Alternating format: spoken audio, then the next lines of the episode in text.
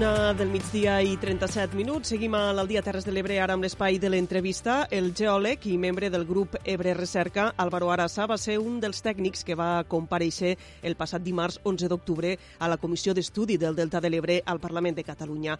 Avui volem conèixer més a fons quines són les reflexions i aportacions que Arasa va fer al Parlament i per això l'hem convidat i el tenim ja en línia a través de la Plana Ràdio. Álvaro Arasa, bon dia, benvingut. Bon dia, gràcies per invitar-me a participar en això. Sí.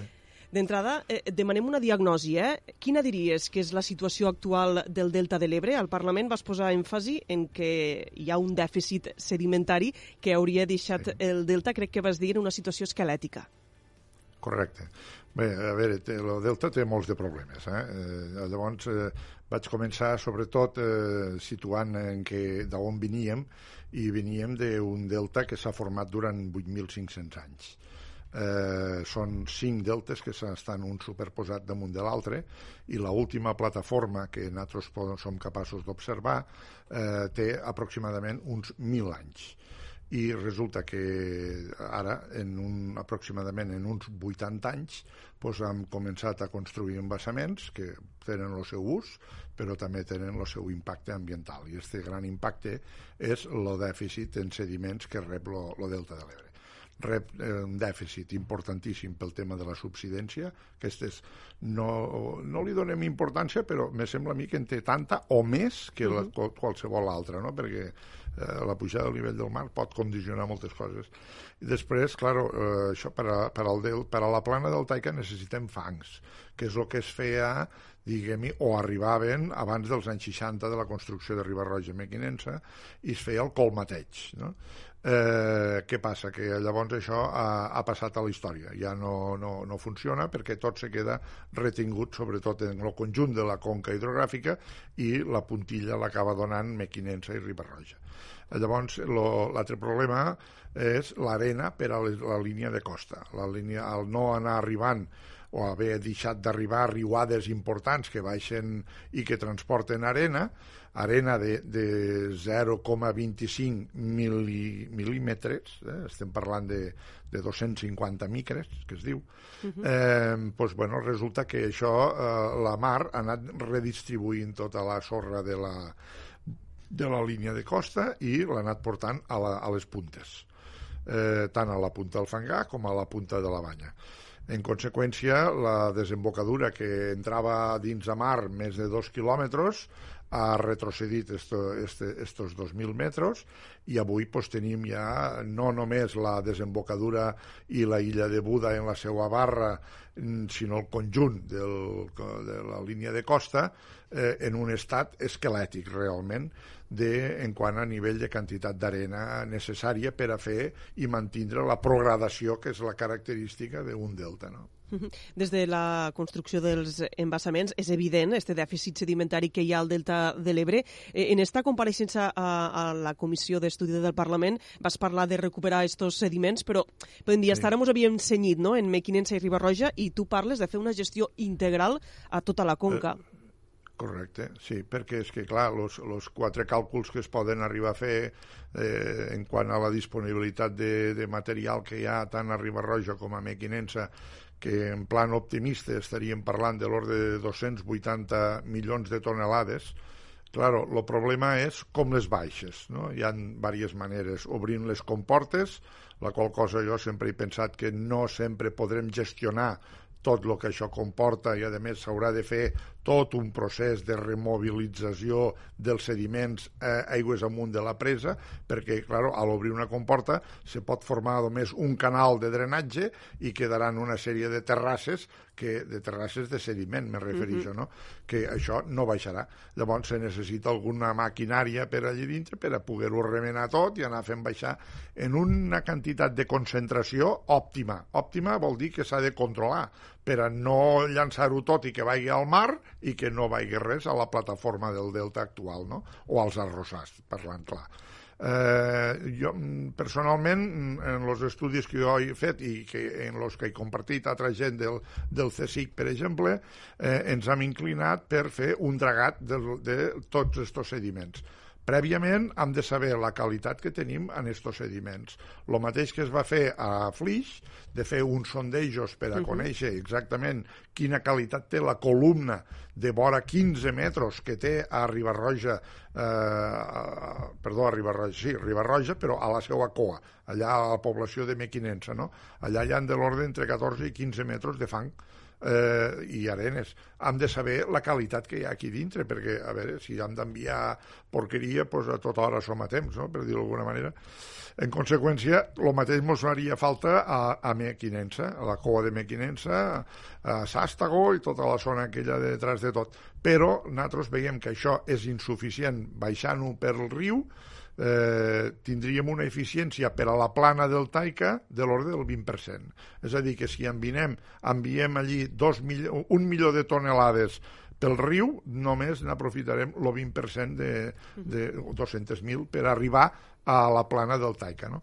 Això és molt poca cosa. Per a cobrir una quantitat de l'ordre de 5-6 mil·límetres als arrossars per any, per any que féssim, que això hauria de baixar durant els mesos de conreu de l'arròs, sis mesos, abril, setembre, per dir-ho d'alguna manera, això eh, comportaria enviar de l'ordre de dos milions i pico de tonelades per a cobrir estos, eh, esta, esta quantitat tan petiteta de mil·límetres. No? Uh -huh. eh, I això en una concentració d'entre 4 i 4, 4 grams per litro Eh? Vull dir que enviar concentracions molt elevades, llavors pot passar que molta, eh, molt de sediment quedi saturat i se deposita en terra, en la qual cosa dificultarà en altres moments de riuades més fortes també el transport. Uh -huh. També cal aigua, no? Per a, càlculs, per, per a fer eh? baixar eh? sí, sí, sediments evidentment, cal, cal, evidentment que cal aigua, claro, claro.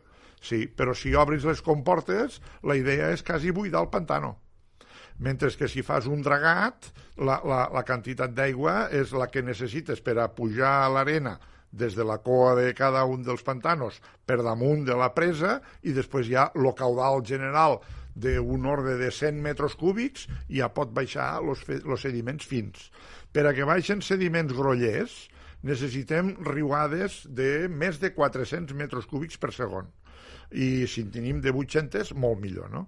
En aquest sentit, eh, vaig presentar allí també una sèrie de càlculs i de, i de dies que hi han aquest tipus de riuades en les que d'alguna manera ens centraríem sobretot en, de l'ordre de, de 300 dies a l'any eh, per a riuades superiors a 400 metres cúbics i de l'ordre d'un centenar de dies de més de 800 metres cúbics per segon. Això en els últims 20 anys. Eh? I en aquests últims 20 anys també han vist i veiem que la, la, diguem la regulació que s'està fent del conjunt de la conca, de tots els rius afluents i tota la cosa, és, eh, ha canviat totalment. Mentre que si abans, entre l'any 80 i l'any 2000, o més cap atràs, eh, hi havia dos màxims al riu durant la primavera i la tardor, primavera per desglàs de les, de les geleres del Pirineu i la tardor per les pluges torrencials, eh, això ha desaparegut. I ara, els màxims se concentren a l'hivern febrer, març, abril, i poden anar uns mesos cap endavant i uns mesos cap atrás. No? Ah, M'ho has, parlat, claro. has parlat d'una concentració de 4 grams per litre. Seria suficient sí. per a guanyar estos 5-6 mil·límetres uh, de colmateig uh, al delta de l'Ebre? A Esta la plana, concentració. Sap que hi ha hagut debat no? sobre si sí. el delta ha intervingut, el, el riu Ebre, no? actualment que està intervingut, fer baixar sediments sí. ocasionaria problemes. Esta concentració de 4 grams per litre eh, deixaria de que fos un problema el fet de baixar sediments? Mira, les últimes, la, les riuades, per exemple, de l'any 18, que van haver al novembre i al desembre, degut a pluges torrencials d'aquí de la zona i va sortir, va, va baixar una quantitat, va ser en dissabte, un dissabte que de seguida a les 9 del matí no baixava la riuada, eh, carregada de sediments, és a dir, el riu no baixava carregat de sediments, i a, a les 10 i mitja ja estava carregat de sediments.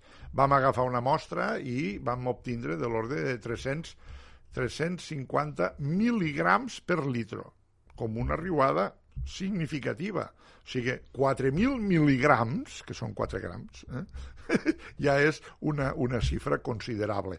Això, òbviament, eh, pot generar, eh, per exemple, algun impacte a algunes tomes directes de, del, del riu i, evidentment, per exemple, per al CAT, no? el Consorci d'Aigües de Tarragona, que, que està potabilitzant l'aigua, eh, òbviament haurà de posar molt més sulfat de ferro per a fer precipitar tots els fangs i tota la història aquesta.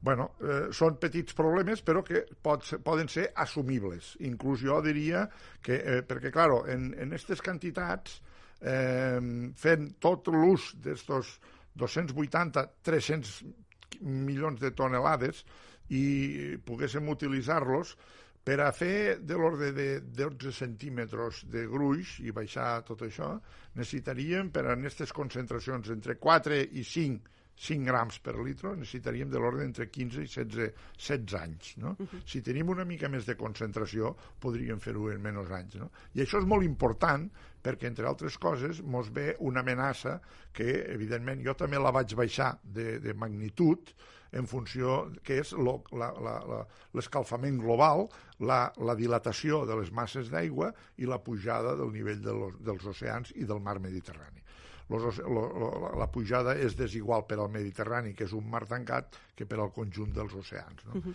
Ens fixem eh, molt Mediterrani... en la regressió, però no en la subsidiència, no?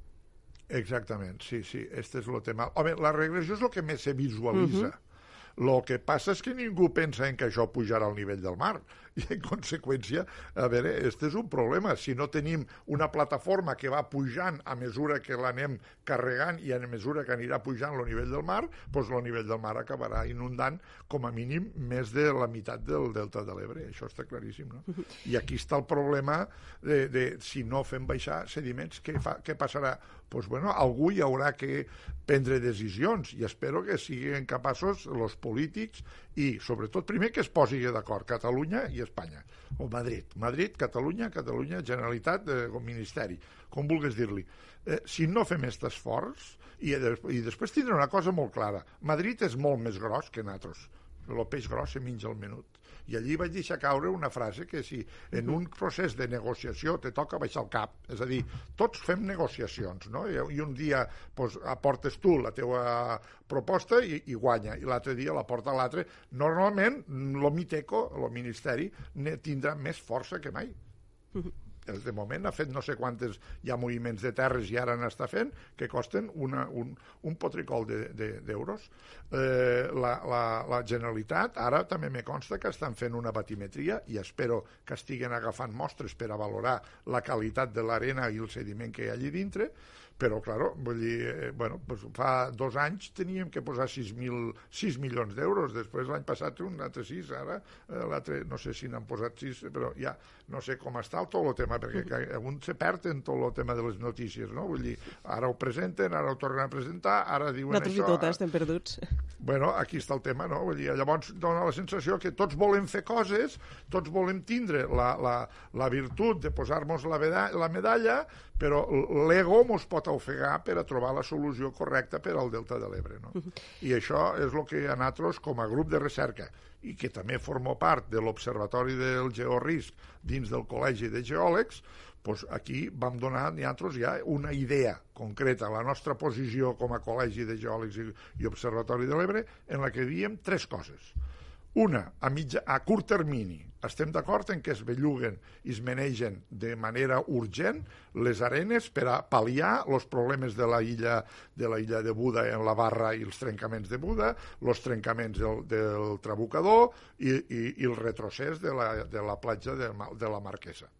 Que total, la, mar, la platja de la Marquesa, tota la culpa està allí posant pedres d'escollera, de, tapant un, un, un, un restaurant que, que, bueno, que jo no entenc com la llei de costes no ha arribat a un acord encara en la propietat per a dir feu un retrocés o fem una permuta. No, això no s'ha acabat de fer. I llavors dona la sensació que encara xalem més de veure pedres d'escollera allí que l'embat de les zones li pega a castanya, la pedra se queda quieta, però l'arena se'n va i això ho hem vist en els últims més de 40 anys, que han vingut posant, eh, diguem-ne, diversos fronts de, de pedra d'escollera, uns de millors i els altres de pitjors, i no sabem tampoc qui, qui ho posa, perquè uh -huh. si és l'Omiteco està fent coses que no corresponen. Si és una altra entitat, ningú li ha donat permís, vull dir, no, no es veu tampoc cap multa per a, o cap advertiment o estirada d'orelles, no?